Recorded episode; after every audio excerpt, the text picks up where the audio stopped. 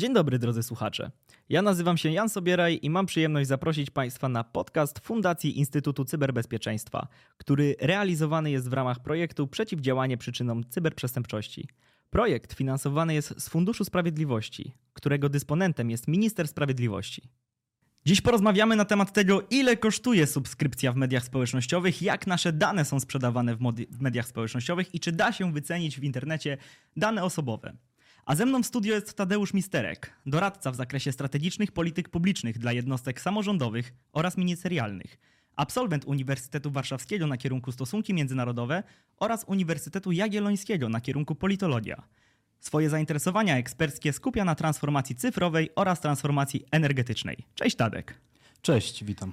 Tadeusz, myślę, że na temat niebezpieczeństwa, które nas może spotkać w internecie, czy w ogóle tematu sztucznej inteligencji, czy tego, jak media społecznościowe mm, gdzieś tam nas targetują, czy śledzą, powiedziano już sporo, ale chciałbym dzisiaj w naszym odcinku wrócić do chyba najbardziej podstawowego zagadnienia, które wpływa na, mm, na te wyżej wymienione kwestie, czyli na temat naszych danych osobowych w internecie. Każdy wie, że nasze dane osobowe w internecie są dostępne, że media je przetwarzają, że różne firmy doradcze też je przetwarzają, ale chciałbym, żebyśmy porozmawiali o tym, czy da się wycenić y, dane osobowe Szarego Kowalskiego? Ile takie dane są warte i które z tych danych są tak naprawdę najbardziej potrzebne czy najbardziej wartościowe, a które może nieco mniej? Dlatego to jest pierwsze pytanie, które ci zadaję.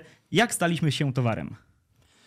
Więc wiesz, y, Generalnie trzeba powiedzieć na samym początku o całej ewolucji internetu, bo dane osobowe to powiedzmy możemy już y, mówić y, o jakichś zrębach danych osobowych w dzisiejszym rozumowaniu y, tego terminu. Możemy o tym mówić już na przykład, nie wiem, 100, 200, 300 lat temu, kiedy już wprowadzano w różnych częściach, czy to Polski, czy w ogóle świata, różnego rodzaju też określenia, nazwijmy to roboczo e, numery seryjne dla poszczególnych obywateli, różnego rodzaju dowody, czy to na przykład, nie wiem, dajmy na to w Galicji, które miały określać w jaki sposób e, danego, danego mieszkańca.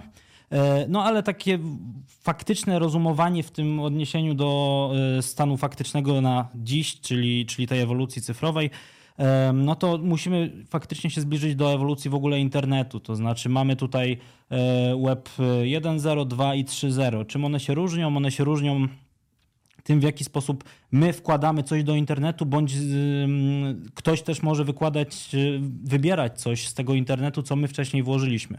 I to jest akurat domena Web 3.0, czyli czegoś, w czym aktualnie żyjemy. To są już właśnie media społecznościowe. Te poprzednie z kolei e, Web 1, 2.0 to były już to były bardziej statyczne e, wersje internetu, to znaczy internet, który można było przeglądać, jeżeli chodzi o Web 1.0, 2.0 z kolei to był internet e, do którego już mogliśmy wkładać, aczkolwiek ta interakcja była bardzo ograniczona. To już były faktycznie zręby budowania jakiejś większej sieci.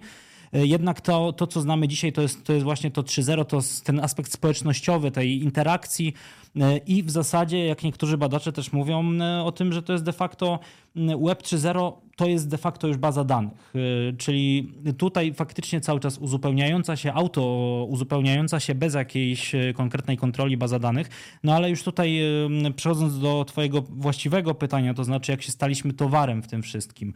O tej kluczowa jest właśnie ta baza danych. Mianowicie pojawiły się różne nowe formy biznesu zorientowane na E, między innymi modele różne subskry- subskrypcyjne, modele związane też z jakąś darmowością, teoretyczną darmowością, która w tym wypadku jest kluczowa. Ta darmowość to jest między innymi Facebook, za którego nie musimy płacić, mimo tego, że e, de facto jest to też e, często darmowa platforma reklamowa dla wielu, dla wielu przedsiębiorstw. W zasadzie w tym momencie wręcz aż obligatoryjna i jak my się w tym wszystkim odnajdujemy. No, dzisiaj sobie, wydaje mi się, odpowiemy trochę szerzej na pytanie właśnie związane z tym, jak my się staliśmy towarem, jaki to ma związek z tym Web 3.0, o którym wspomnieliśmy. E, najważniejszy tutaj jest aspekt różnego rodzaju zgód, regulacji, które są już wewnątrz platform, które co ważne są transnarodowe, ponadnarodowe, nie mają de facto takiego Oczywiście są fizyczne jakieś, jakieś filie danych firm, czy nawet e, centra danych firm, tylko że te firmy tak realnie są wszędzie. Mowa w tym momencie też o, co bardzo ważne, kliencie, który jest globalny. On nie jest zorientowany na dany rynek. Jest również podobnie, y, podobnie jak same firmy, aktywne, aktywni są ci klienci wszędzie. Też trzeba wziąć pod uwagę w tym wszystkim regulacje lokalne poszczególnych państw. No generalnie problem jest bardzo złożony i to najważniejsze, o czym, o czym wspomniałeś, czyli towar, towar to my w takim odniesieniu, że w jakiś sposób płatność za użytkowanie danych platform jest zakamuflowana. Dzisiaj o tym porozmawiam, myślę, że w kolejnych pytaniach trochę szerzej. Dzięki Ci za to wprowadzenie. Tutaj szczególnie zwracam uwagę Państwu na to, jak Tadeusz przedstawił te wersje, e, czym się różni Web 1, Web 2, Web 3.0, bo to jest właśnie mm, no, ten, ten krótki schemat, który tutaj przedstawiliśmy, że, że ta wersja 3 no, to jest ta, ta zwrotna interakcja, którą, którą znamy z dzisiejszego, z dzisiejszego internetu. E, czy dane osobowe mają swoją cenę? Czy jesteśmy w stanie wyliczyć albo określić jakąś policzalną, policzalną wartość wynikającą z, z naszej obecności albo z działalności w, w przestrzeni internetowej czy w social mediach? To jest bardzo trudne pytanie, bo w zasadzie można odpowiedzieć dwojako. Zarówno tak, jak, jak i każdy nie. Dobry, jak każdy dobry prawnik, to odpowiedź co zależy. Zgadza się. To może nawet nie tyle, co zależy, to, to zależy, co powiedziałbym inaczej. Ciężko jest nam oszacować jako komuś, kto się kto nie ma dostępu, kto w tym momencie nie obraca tymi danymi, kto nie ma na głowie, mówiąc kolokwialnie, iluś czynników, które mogą na tę cenę wpływać, bo właśnie o tym, do, tego, do tego będziemy zmierzać, że tych czynników jest bardzo dużo, które mogą wpłynąć na ostateczną wartość, zarówno imię, nazwisko, a nawet nasze zainteresowania są przedmiotem handlu. Poza oczywiście tymi wskazanymi, wskazanymi przykładami, no są też oczywiście inne elementy. No w naszym e, przypadku, jeżeli chodzi o Polskę, to tutaj mamy też PESEL, mamy adres zamieszkania, mamy też kilka innych wariantów, które mogą uzupełnić taką dane, jeżeli jesteśmy przedsiębiorstwem, dajmy na to E, jesteśmy jednoosobową działalnością gospodarczą, to wtedy też na przykład taki NIP może być e, fragmentem takiej bazy, który e, może w jakiś sposób wpłynąć też na, na ostateczną wartość. Jeżeli chodzi o wartość takiej bazy danych, no to liczba rekordów, liczba też wariantów w takiej bazie może wpłynąć na, na ostateczną cenę, to znaczy tylko imię i nazwisko i taki zestaw jest na tyle powszechny, że raczej wartość jest nikła, o ile nie zerowa dla, dla kogoś, kto chce taką bazę wykorzystać. Bo dajmy na to, Janów Kowalskich może być bardzo wielu w Polsce. Jest bardzo nikła szansa, że ktoś, kto posiada wyłącznie te informacje, będzie w stanie na kogoś y, sprecyzować jakieś swoje działanie biznesowe dokładnie na osobę, na którą chciał. Tutaj dlatego też mamy kolejne informacje, z których bardzo ważną i taką w zasadzie nową, która mm, y, jest bardzo związana już z tym nowym y, internetem, tym 3.0, czyli tymi sieciami społecznościowymi, to znaczy zainteresowania. Zainteresowania to znaczy, co lubimy, y, jakie, na jakich na przykład fanpage'ach, na jakich treściach zatrzymujemy się najczęściej, które treści najchętniej czytamy. Mm, w zasadzie no, można taki cały, cały proces y, trochę porównać do kwestii y, marketingu w prasie. Już powiedzmy sprzed 100 lat, kiedy prasa już wtedy żyła w większości z reklam. E, a kto się ogłaszał w prasie? W, w prasie ogłaszali się ci, którzy wiedzieli, że dana gazeta jest stargetowana, czyli ukierunkowana na dany typ y, konsumenta. W tym wypadku jest dokładnie tak samo. Ta informacja jest niezwykle cenna, właśnie co lubimy, w co klikamy. Y, w zasadzie można powiedzieć wręcz, że to jest, y, to jest najważniejsza informacja, już abstrahując od tych wszystkich innych, bo informacje na temat naszego imienia, nazwiska, a nawet miejsca zamieszkania często są stosunkowo. Mm, w sumie to sami je podajemy. Znaczy, już abstrahując od tego, ale są, no przecież to jest bardzo trafna uwaga. E, abstrahując od tego, no to często dla kogoś, kto prowadzi działania na bardzo dużą skalę i e, dajmy na to, koncentruje swoje działania na teren Polska. Jestem, e, powiedzmy, jestem reprezentacją dużej korporacji międzynarodowej, która chce sprzedać produkt koncentruję, chcę wiedzieć coś o klientach z Polski. Nie interesuje mnie konkretnie Warszawa, Katowice, ale już zachowania klientów w Polsce jak najbardziej. E, jeszcze tak e, trochę minimalnie rozwijając temat, żeby też e, Państwa nie przynudzić w ramach konkretnie tego punktu. Mm, Też jeżeli chodzi o w ogóle wartość ty- tych danych w jakimś większym zbiorze, bo to też jest bardzo istotne. E, Wielki zbiór to, to jest to, o czym wspominałem, jakieś bazy danych, którymi de facto są, którą de facto jest obecny internet, którymi są poszczególne media społecznościowe E, i też to, o czym wcześniej wspominałem, to znaczy o kwestii transgraniczności całego procederu. E, Na to, y, jaka jest realna wartość danych, wpływają też e, różnego rodzaju regulacje prawne. Regulacje prawne, które są bardzo różne, jeżeli chodzi o świat. Wydaje nam się, że, że Unia Europejska to jest y, generalnie to, co mamy w Unii Europejskiej, jest na całym świecie, ale myślę, że o to będziesz chciał jeszcze Janku Tak, dopytać. tak, właśnie o te, o te kwestie regulacji prawnych yy, do, do tej części przejdziemy sobie mm, później w naszej rozmowie. Yy, Na razie z tego, co, z tego, co powiedziałeś, wyłania nam się taki obraz, że no na pewno media społecznościowe agregują nasze dane, zresztą sami je przekazujemy, zgadzając się, tak jak tutaj było zaznaczone, na założenie darmowego konta na platformie społecznościowej, właśnie w zamian za ten barterowy, w cudzysłowie, handel e, naszymi danymi. E, Więc my wiemy już o tym, że media społecznościowe te nasze dane agregują. Ale w jaki sposób jeszcze agreguje się dane osobowe?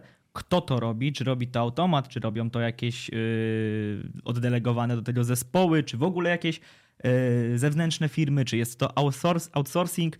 I skoro wiemy, że mediom społecznościowym nasze dane służą do targetowania nas pod względem tego, co lubimy oglądać w internecie i co nam się wyświetla na wallu, to w przypadku zewnętrznych podmiotów, do czego one akurat mogą wykorzystać te dane?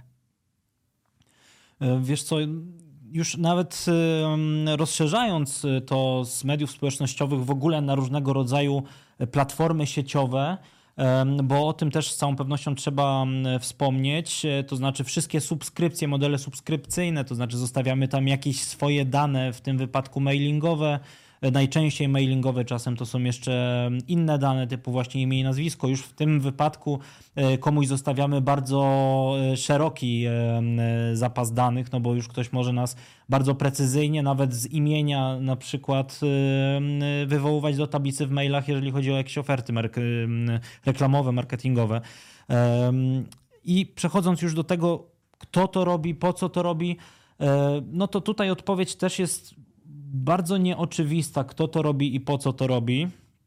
Bo niektórzy to robią, e, niektóre, niektóre firmy, niektóre platformy robią to tylko i wyłącznie po to, żeby w jakiś sposób samodzielnie móc e, doprecyzować swojego klienta i jego zainteresowania. No ale są też firmy, które orientują się na to, żeby po prostu wiedzieć jak najwięcej. Takie firmy to są firmy brokerskie, firmy, które są brokerami danych osobowych.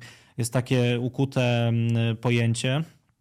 Te firmy agregują informacje z różnych miejsc, zarówno z mm, właśnie tych wspomnianych wielokrotnie e, platform e, społecz, społecznościowych, e, różnego rodzaju stron internetowych, bo też trzeba o tym pamiętać, że strony internetowe również mogą śledzić nasze poczynania na stronie, to znaczy dokąd na przykład na danej stronie zjechaliśmy myszką, czy przesunęliśmy palcem w smartfonie, w jakie artykuły klikaliśmy, ile razy, jaki jest wiek odbiorców i tak dalej. Mamy różnego rodzaju narzędzia jak popularny Google Analytics, między innymi i multum, multum innych też tego typu narzędzi.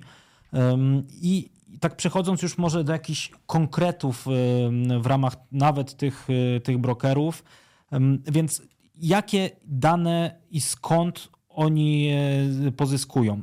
Więc jeżeli chodzi o źródła, no to są, jak wspomnieliśmy, media społecznościowe, różnego rodzaju e, inne dane ym, i nasz taki ślad y, cyfrowy w innych serwisach internetowych, jakieś metadane, dane jakieś szczątkowe właśnie. Tutaj zostawimy na przykład y, mail, tutaj zostawimy mail plus imię, tutaj mail plus nazwisko. Ci brokerzy są w stanie to wszystko połączyć w jedną całość. Mają już wtedy, jeżeli dobrze rozgrywają swoją pracę, no to wiedzą już, że mamy tak i tak na imię i nazwisko i mamy taki mail. Mimo tego, że zostawiliśmy te dane w różnych miejscach. Do tego różnego rodzaju agregatory danych, różnego rodzaju inne bazy ogólnodostępne, nawet e, dane gov.pl, to jest strona rządowa, ale tam również niektóre informacje można pozyskać aplikacje na smartfony, które Tutaj case'ów jest bardzo dużo. Aplikacje nawet w tym momencie podejrzewam, że e, w trakcie tej rozmowy mamy jakąś aplikację, która co najmniej raz na przestrzeni kilku tygodni poprosiła nas o śledzenie naszych poczynań. Do tego różnego, różnego rodzaju informacje dotyczące przeglądania stron internetowych w przeglądarkach. Też ich jest multum, one mają różne stopnie zabezpieczeń. E, niektóre nawet antywirusy pochłaniają e, szkodliwe, szkodliwe informacje, część nie, więc tutaj też jakaś furtka dla brokerów jest. Różnego rodzaju programy y, lojalnościowe, jakieś dane geolokalizacyjne. No i serwisy aukcyjne. E, a powiedz mi, czy jesteśmy w stanie przywołać jakiś taki dokładny, konkretny przykład, może jakieś case study, gdzie mieliśmy okazję obserwować e, takie działania, albo czy na przykład znamy z nazwy dokładnie jakąś firmę, która specjalizuje się w takim agregowaniu danych?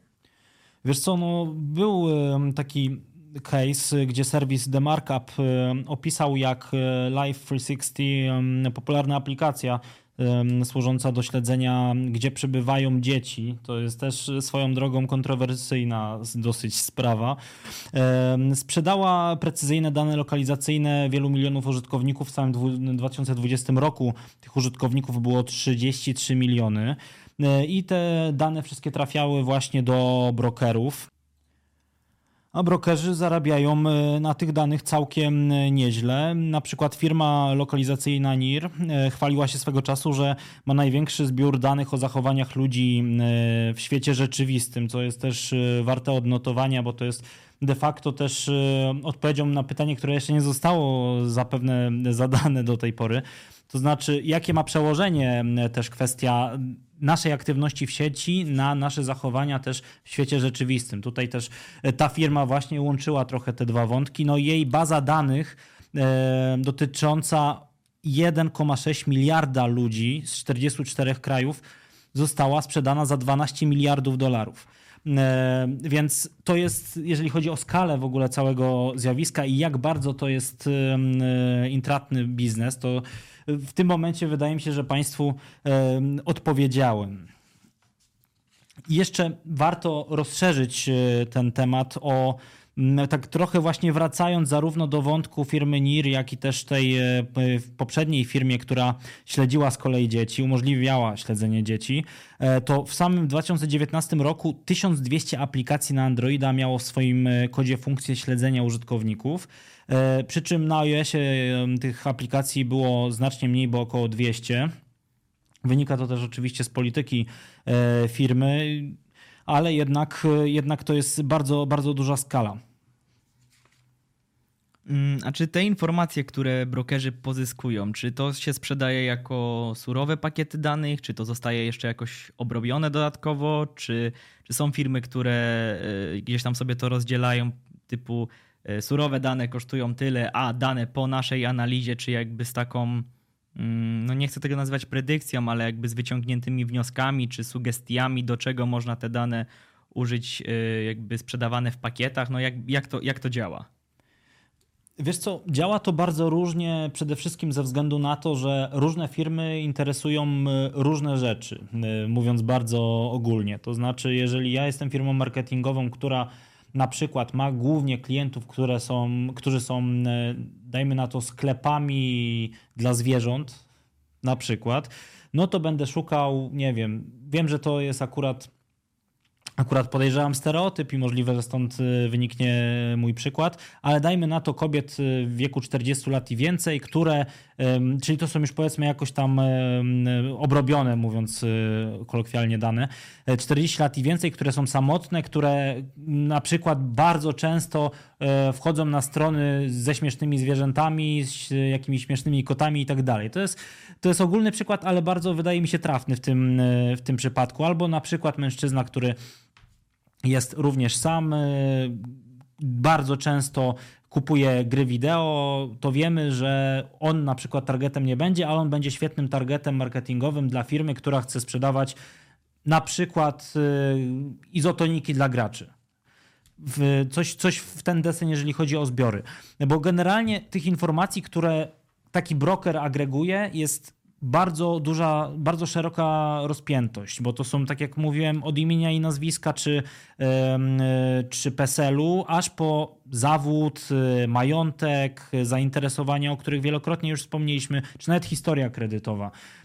Ten nasz ślad cyfrowy pojawia się w wielu różnych miejscach, wynika on z wielu różnych rzeczy. Możliwe, że e, część e, brokerów e, analizuje dane, ale co do zasady brokerzy raczej danych nie analizują, raczej to robią jeszcze kolejne firmy zewnętrzne, które już na tym się mówiąc wprost znają. Jedną z takich firm, o której jeszcze wydaje mi się, że będziemy mieli dzisiaj okazję wspomnieć, a jak nie dzisiaj, to w innym odcinku, była Cambridge Analytica, bardzo popularny popularna firma analityczna, która między innymi współpracowała z e, Donaldem Trumpem czy Livio, jak i też przy wielu innych wyborach na świecie, między innymi też e, w Ukrainie. Takie, takie firmy na opracowanych wcześniej modelach analitycznych na przykład takim jednym bardzo popularnym modelem był model Ocean, to znaczy model, który w jakiś tam sposób bada nasze zachowania. To są powiedzmy takie w pełni legalne, normalne metody ankietowe najczęściej, e, dzięki którym jesteśmy w stanie wymodelować jakieś e, zachowania, które możemy przełożyć później na zachowania wynikające z danych, często danych liczbowych, bo o tym też warto wspomnieć, że to są często dane liczbowe, to nie są wyniki e, typu Jan Kowalski kliknął tu i tu o godzinie tej i tej, tylko raczej właśnie kwestia tego, że Jan Kowalski liczbowo ja w tym momencie nie jestem w stanie tego przedstawić, jak na przykład wyglądałoby liczbowe zaprezentowanie tego, że Jan Kowalski kliknął w artykuł pod tytułem e, Cristiano Ronaldo strzelił hat-tricka. No, ale generalnie, jeżeli chodzi o zainteresowania, w taki sposób te informacje są śledzone. Jeżeli chodzi o to, kto w ogóle takie dane skupuje, skupuje od brokerów już wspomnianych, bo to jest powiedzmy ten główny, głównym agregatem informacji, to jest właśnie broker. E, to są różnego rodzaju przedsiębiorstwa, jak już wspomnieliśmy, marketingowe, to są politycy. I wspomniałem też o tym między innymi Donald Trump. W no właśnie w ogóle swojej... na ten temat, przepraszam właśnie, że ci wejdę słowo, w ogóle na ten temat jakby udziału danych osobowych i preferencji politycznych właśnie w świecie polityki, z to równie dobrze moglibyśmy zrobić osobną rozmowę. Myślę, że też jakby tak. będzie na to miejsce. E, no ale przepraszam, że przerwałem, po prostu chciałem się do tego odnieść, jak, e, jakby tak, tak więc mamy przedsiębiorstwa, mamy polityków, mamy media społecznościowe i dalej. A cię z mediów społecznościowych to przede wszystkim e, te informacje są pozyskiwane, ale tak, jeżeli tak mogę kontynuować, to kto w ogóle skupuje te dane. E, to też są różnego rodzaju firmy finansowe, to są banki, jakieś instytucje badawcze, które później właśnie jakieś e, modele same opracowują na podstawie tych informacji, a nawet służby specjalne, o czym było swego czasu też głośno w Stanach Zjednoczonych. Ok, czyli mamy imię, nazwisko, mamy PESEL, mamy mailingi, mamy geolokalizację, e, mamy preferencje polityczne nawet. A chciałbym dopytać, Y, jak daleko, czy jak głęboko firmy posuwają się w, w zbieraniu tych danych? Czyli mamy te dane, o których każdy z nas jakby wie, że są danymi, jakby te stricte dane osobowe, ale tak jak tutaj zajawiłeś, czy ta geolokalizacja, czy te preferencje polityczne, czy, y, czy po prostu jakby mm, sposób zachowania się użytkownika w internecie to mogą nie być takie dane jakby osobowe w pierwszej kolejności, jakie kojarzymy jako dane, no ale też oczywiście mają to swoją wartość, być może nawet większą niż suche imię i nazwisko. Dlatego właśnie tak jak zajawiłem, chciałbym dopytać, jak głęboko firmy posuwają się do agregowania takich danych, czyli co jeszcze moglibyśmy wskazać jako taki obiekt zainteresowania mm, naszego życia czy naszego zachowania dla podmiotów, które takie dane agregują. Sky is the limit, powiem ci Janek. Na dobrą sprawę mogą występować różne kombinacje, kombinacje różnych czynników, które mogą wpłynąć na ostateczny wynik dla, czy to dla brokera, czy dla kogoś, kto takie dane później chce wykorzystać. Mogą to być na przykład najczęściej odwiedzane galerie, może to być liczba pracowników w poszczególnych zakładach, bo też jeżeli chodzi o lokalizację, to możemy prześledzić ile osób wchodzi, ile osób przebywa w danym miejscu, ile osób później opuszcza dane miejsce o konkretnych godzinach. Możemy wskazać ilu kto pojawił się na jakim wiecu politycznym na przykład. Również w jaki sposób ktoś na przykład poruszał się między punktami w trakcie swojego dnia pracy, co umożliwi na przykład Tutaj akurat już jest y, faktycznie nieczysta zagrywka, to znaczy e, możemy określić, czy ktoś z kimś współpracuje, mimo tego, że nie powinien współpracować, e, czy na przykład ktoś ma nawet y, kochankę. To są już takie faktycznie, możemy, możemy określić różne bardzo wrażliwe informacje dla danej osoby na podstawie czynników, które w sieci po sobie pozostawia. E, czy to są informacje, które wynikają z aktywności faktycznej, aktywności umyślnej użytkownika, czy też nieumyślnej, wynikającej e, po prostu z posiadania nawet na swoim smartfonie pewnych aplikacji. Mm, nawet kwestia taka dosyć banalna dla większości z nas, czyli akceptacja ciasteczek. Zwykle się przeklikujemy przez wszystko, że akceptujemy, akceptujemy, żeby móc szybko dotrzeć do jakiejś treści, która nas interesuje. To już jest jakiś element, który umożliwia aplikacji czy stronie śledzenie nas na bieżąco.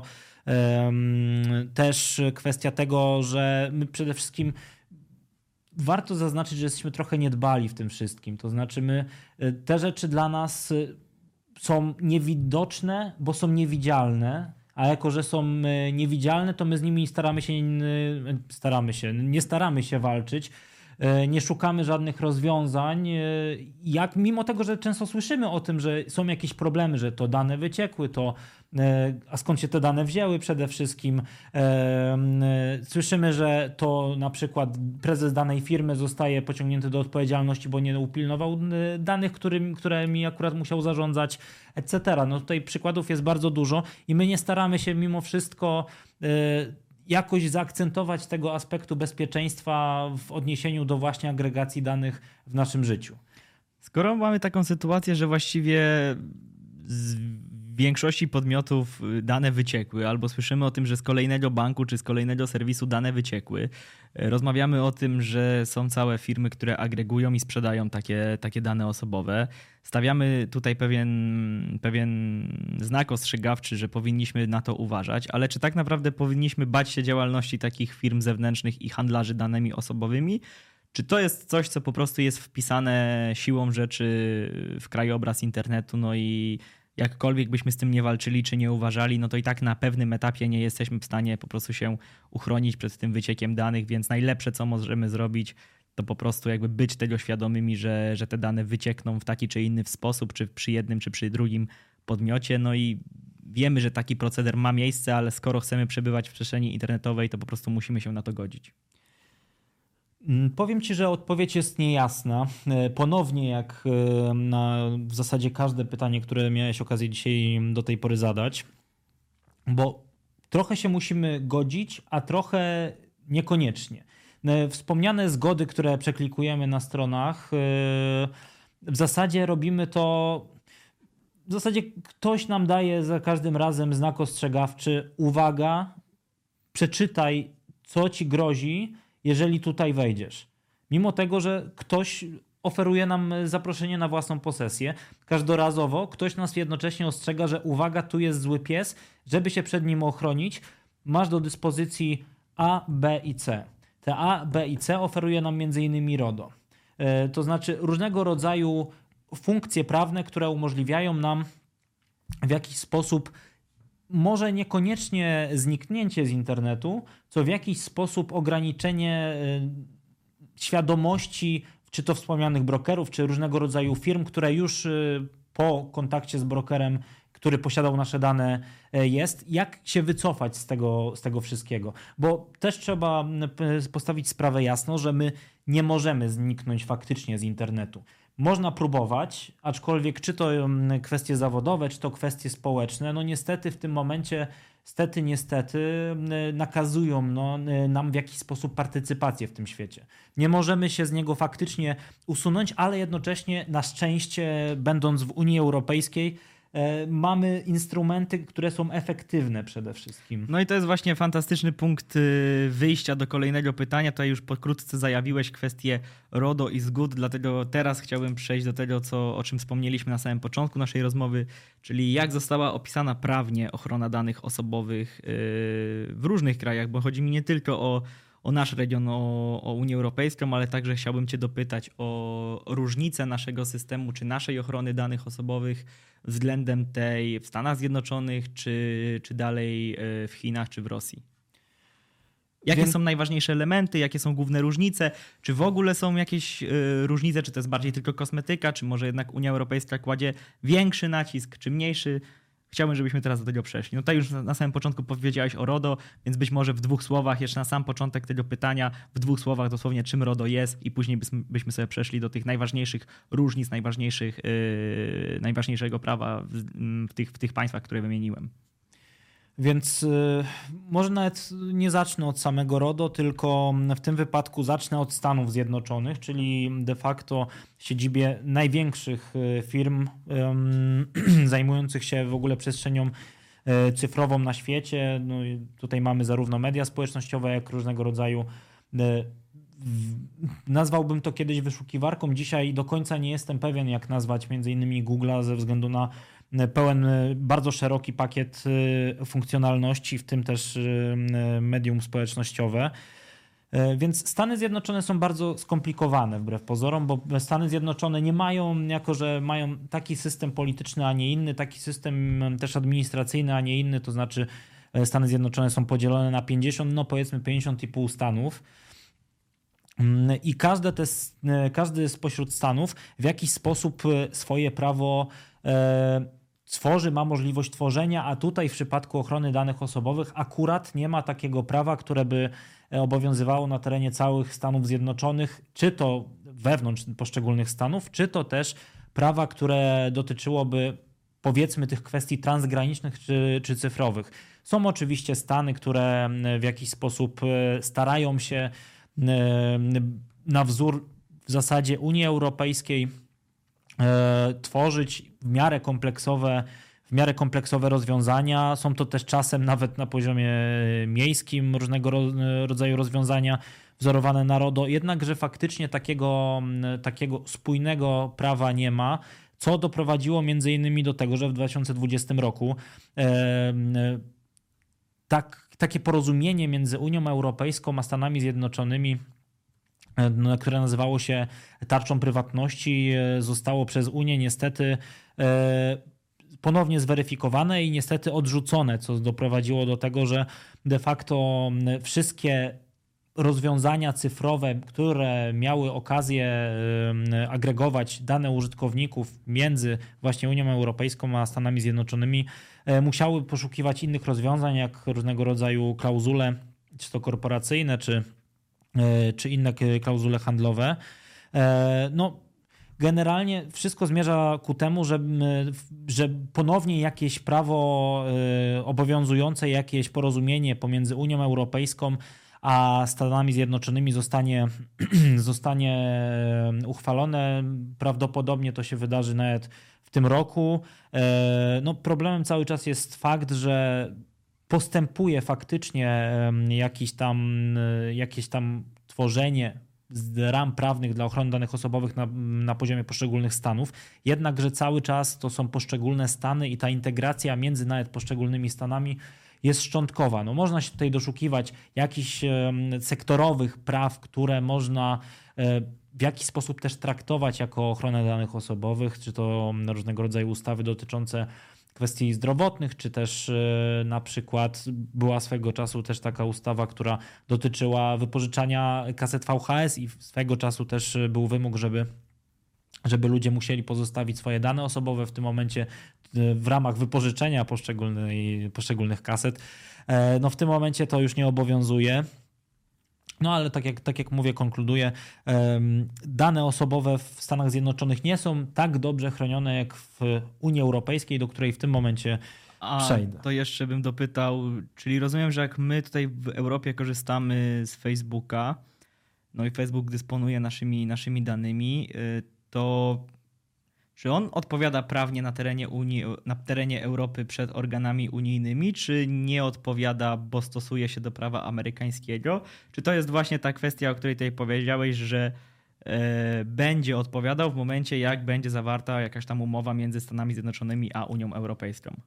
Gdzie akurat Facebook jest o tyle życzliwym dla nas przykładem, bo Facebook ma również siedzibę w Unii Europejskiej, na terenie Unii Europejskiej, co skutkuje tym, że w zasadzie tutaj ta agregacja danych y, Facebooka, y, no, co do zasady. Musi być zgodna z regulacjami. Co, co do zasady też... musi być zgodna okay. z regulacjami unijnymi. No, generalnie wszystkie firmy, które y, są cyfrowe, działają cyfrowo, agregują w jakiś sposób dane osobowe, muszą być zgodne z Unią Europejską. No, problem się pojawia wtedy, kiedy nasze dane trafiają do innych części świata, gdzie już faktycznie ten liberalny nurt jest e, powiedzmy martwy. No właśnie moje myśli automatycznie biegną w stronę e, Chin i TikToka, o, o, to, o to też bym chciał za chwilkę zapytać, ale wszedłem ci w słowo, przerwałem ci wtedy o Unii Europejskiej, więc, więc proszę śmiało możesz dokończyć. Aczkolwiek tutaj w zasadzie te Chiny są bardzo dobrym zaczątkiem do też omówienia zaraz y, Unii Europejskiej. Możemy ją potraktować jako trzecie z państw, które omówimy. Um, więc Chiny w 2000 Chiny w 2021 roku ustanowiły takie prawo e, nazywane E, czyli prawo wzorowane dosyć mocno na naszym e, rodzimym europejskim e, RODO. No tutaj najważniejszym aspektem, który wyróżnia, wyróżnia, wyróżnia tę ustawę względem naszych, naszego europejskiego odpowiednika bądź amerykańskich, jakichś takich pomniejszych odpowiedników, no to jest przede wszystkim fakt, że w Chinach, w Chinach dane które trafiają na teren Chin, one przez jakiś czas, później e, konkretnie pół roku, na tych serwerach chińskich muszą zostać zatrzymane.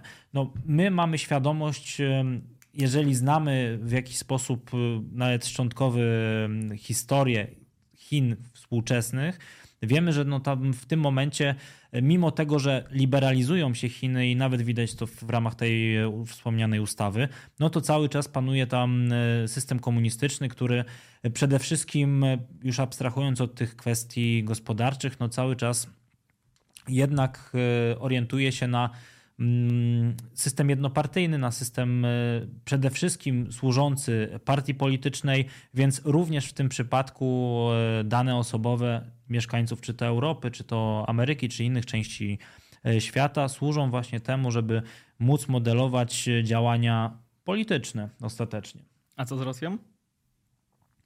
E, z Rosją e, jest bardzo podobnie. Rosja też w zasadzie od lat 90. już w jakiś sposób stara się stara się udoskonalać. W zasadzie nawet są, można powiedzieć, że są swego rodzaju prekursorami, bo zdecydowanie wcześniej niż Unia Europejska już starali się jakoś dane osobowe e, kodyfikować, całą, całą kwestię danych osobowych.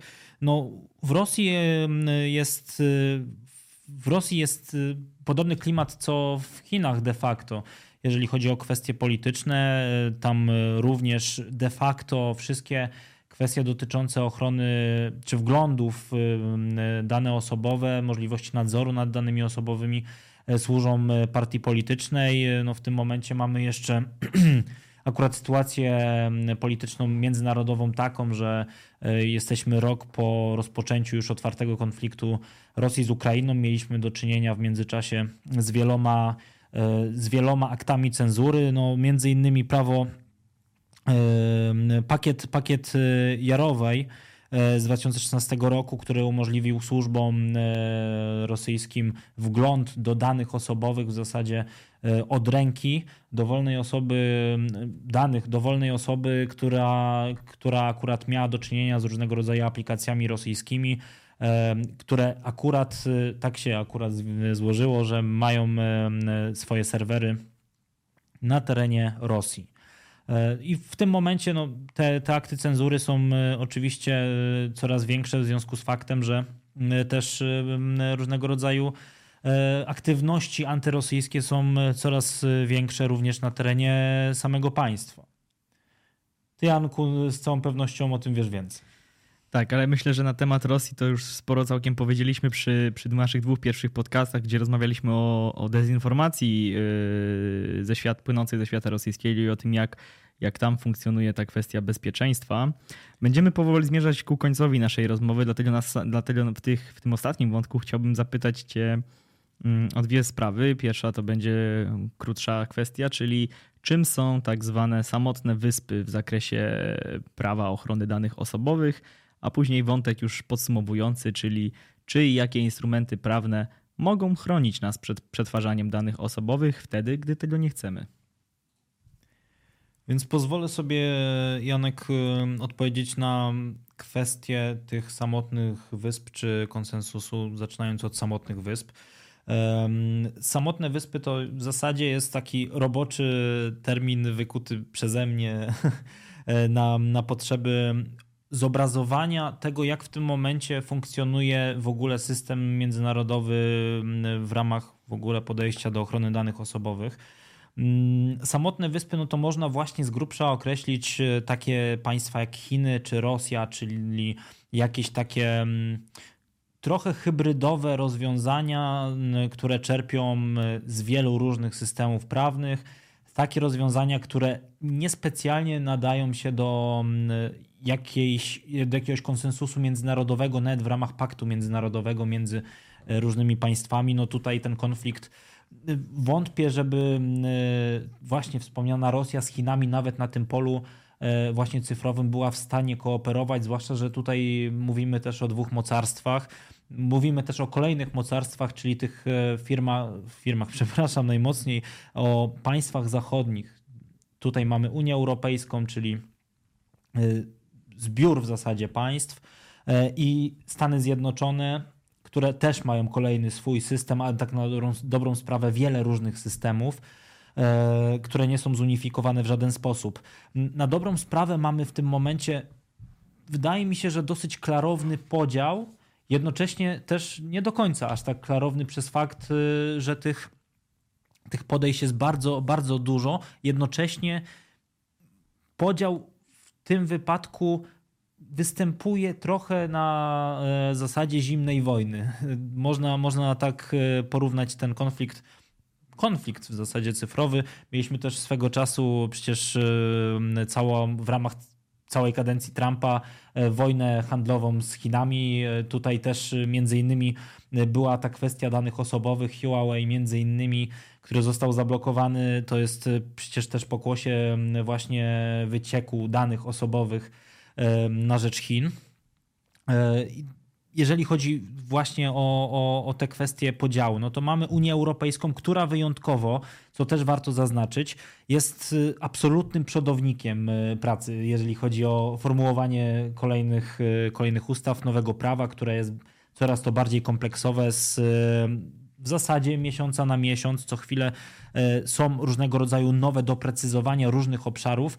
Mamy Stany Zjednoczone, które starają się aplikować do tego, co mamy aktualnie w Unii Europejskiej, i mamy tutaj właśnie cały wschód, plus wschód plus Afrykę. E, z wyjątkiem, jeżeli chodzi o wschód, z wyjątkiem oczywiście Australii, Nowej Zelandii, e, gdzie jest swego rodzaju e, kompleksowość, jednocześnie z pewną furtką na działalność władz.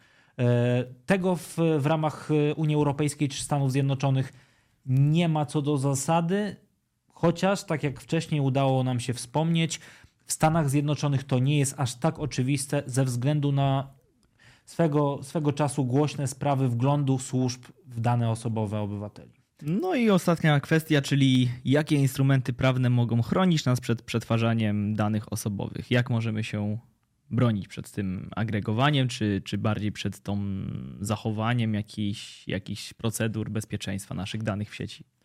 Więc przede wszystkim e, z takich e, ważnych kwestii, które, którymi my dysponujemy, to jest e, przede wszystkim prawo do bycia zapomnianym.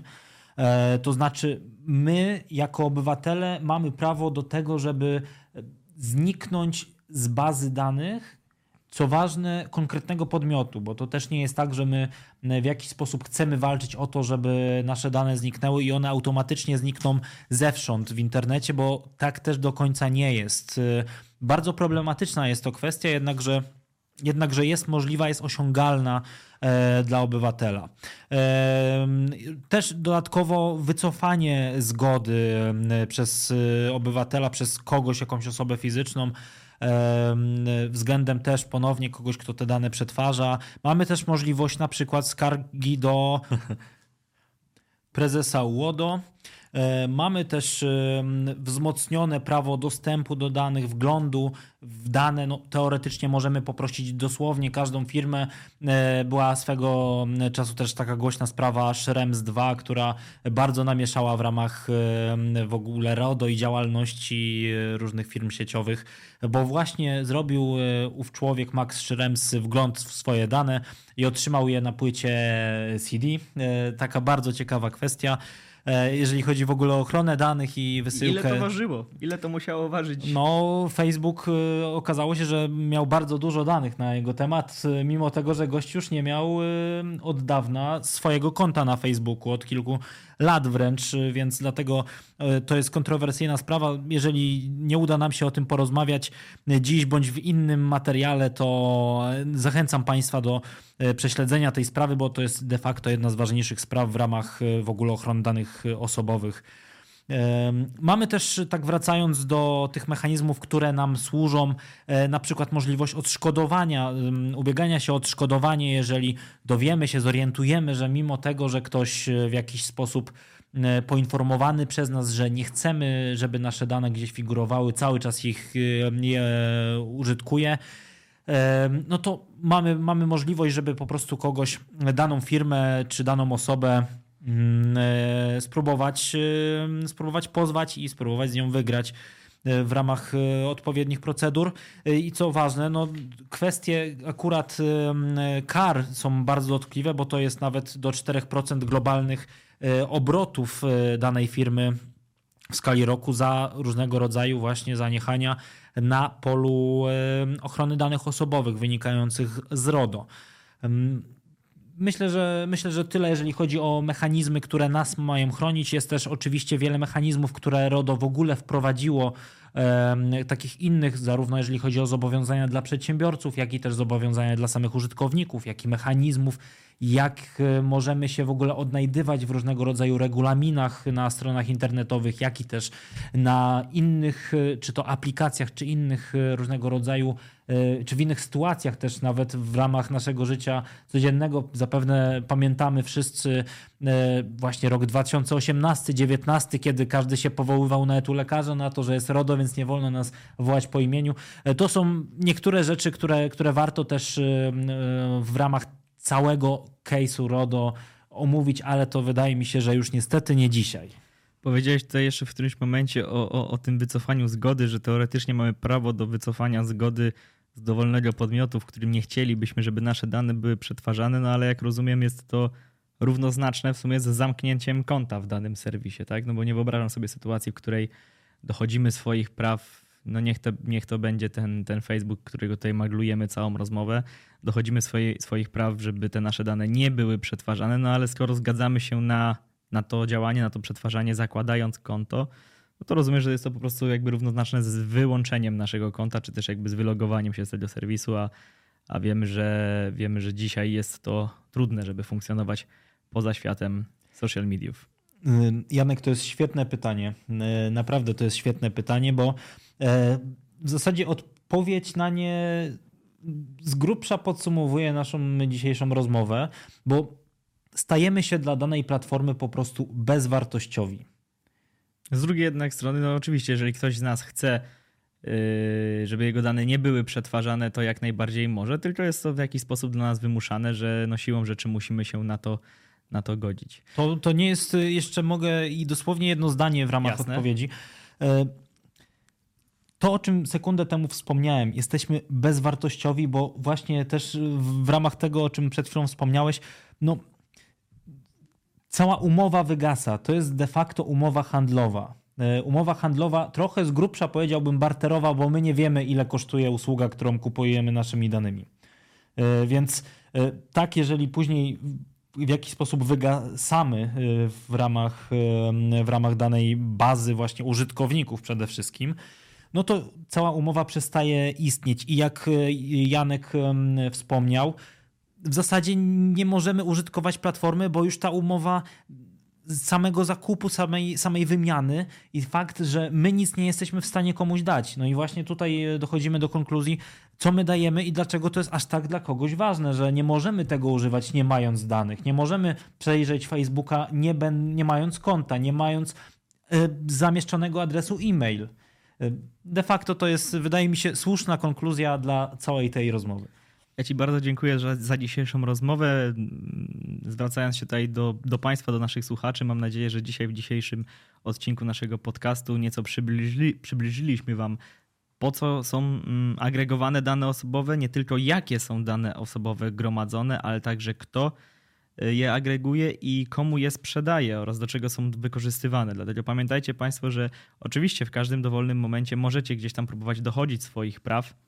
Niemniej sytuacja, sytuacja społeczno-polityczna wymusza na nas jednak obecność w tym świecie internetowym, czy nam się to często podoba, czy nie. Ja, za, ja Państwu bardzo dzisiaj dziękuję za wysłuchanie dzisiejszego odcinka i oczywiście zapraszam do śledzenia nas w social mediach oraz do przyszłych podcastów. Dzisiejszy odcinek podcastu dla Fundacji Instytutu Cyberbezpieczeństwa został zrealizowany w ramach projektu Przeciwdziałanie przyczyn cyberprzestępczości. Projekt finansowany jest z Funduszu Sprawiedliwości, którego dysponentem jest Minister Sprawiedliwości.